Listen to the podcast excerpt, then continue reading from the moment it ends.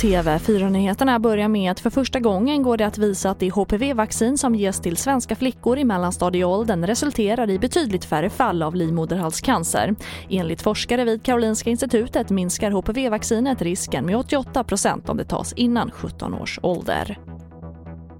Och sen till Jönköping där en man i 40-årsåldern har dött efter att han hamnat under lastbilen som han arbetade med, det skriver Aftonbladet. Mannen dog på platsen och en förundersökning om vållande till annans död genom arbetsplatsolycka har inletts. Och regeringen vill att facken och arbetsgivarna ska få mer tid i förhandlingarna om arbetsrätten efter att samtalen kraschat i natt. Ingen av parterna vill peka ut en enskild anledning till att man inte nått en överenskommelse men ett stort hinder har varit ändringarna i turordningsreglerna. Och om inget sker hamnar bollen på regeringens bord.